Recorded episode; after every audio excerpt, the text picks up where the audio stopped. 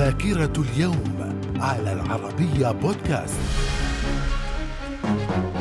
أهلا بكم إلى ذاكرة اليوم التاسع عشر من ديسمبر. ففي العام 1154 توج هنري الثاني ملكا على إنجلترا في دير ويستمنستر في العام 1843 صدور رواية ترنيمة عيد الميلاد لتشارلز ديكنز. في العام 1915 الألمان يخترعون غاز الفوسجين القاتل لاستخدامه في القذائف المدفعية وذلك أثناء الحرب العالمية العالمية الأولى. من الذاكرة. ومن ذاكرة التاسع عشر من ديسمبر في العام 1916 بدء معركة فردان أثناء الحرب العالمية الأولى والتي استطاع الفرنسيون فيها وقف التقدم الألماني.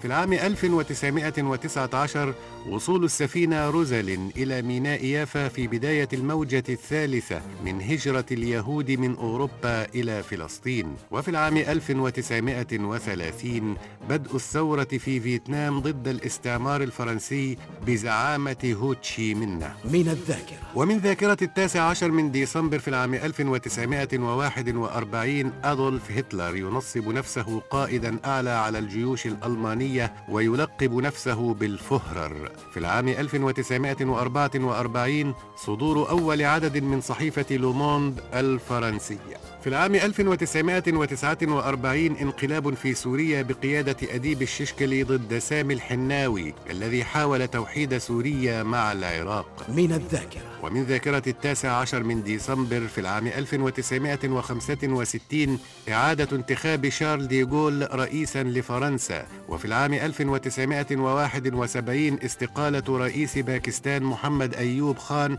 وذلك بعد هزيمة بلاده أمام الهند. في العام 1983 سرقة كأس العالم لكرة القدم كأس جول ريميه من خزائن الاتحاد البرازيلي لكرة القدم في ريو دي جانيرو في العام 1995 صدور أول عدد إلكتروني من صحيفة لوموند الفرنسية على شبكة الإنترنت. من الذاكرة. ومن ذاكرة التاسع عشر من ديسمبر في العام 2015 اغتيال سمير القنطار الذي لقب بعميد الأسرى اللبنانيين في السجون الإسرائيلية في غارة جوية إسرائيلية على مدينة جرمانة في ريف دمشق وفي العام 2016 اغتيال أندري كارلوف السفير الروسي في تركيا جراء تعرضه لهجوم مسلح في أنقرة على يد شرطي يدعى مولود ألطنطاش قال إنه فعل ذلك انتقاما من المشاركة الروسية في قصف حلب. من الذاكرة. ومن مواليد التاسع عشر من ديسمبر في العام 1906 ليونيد بريجنيف زعيم سوفيتي.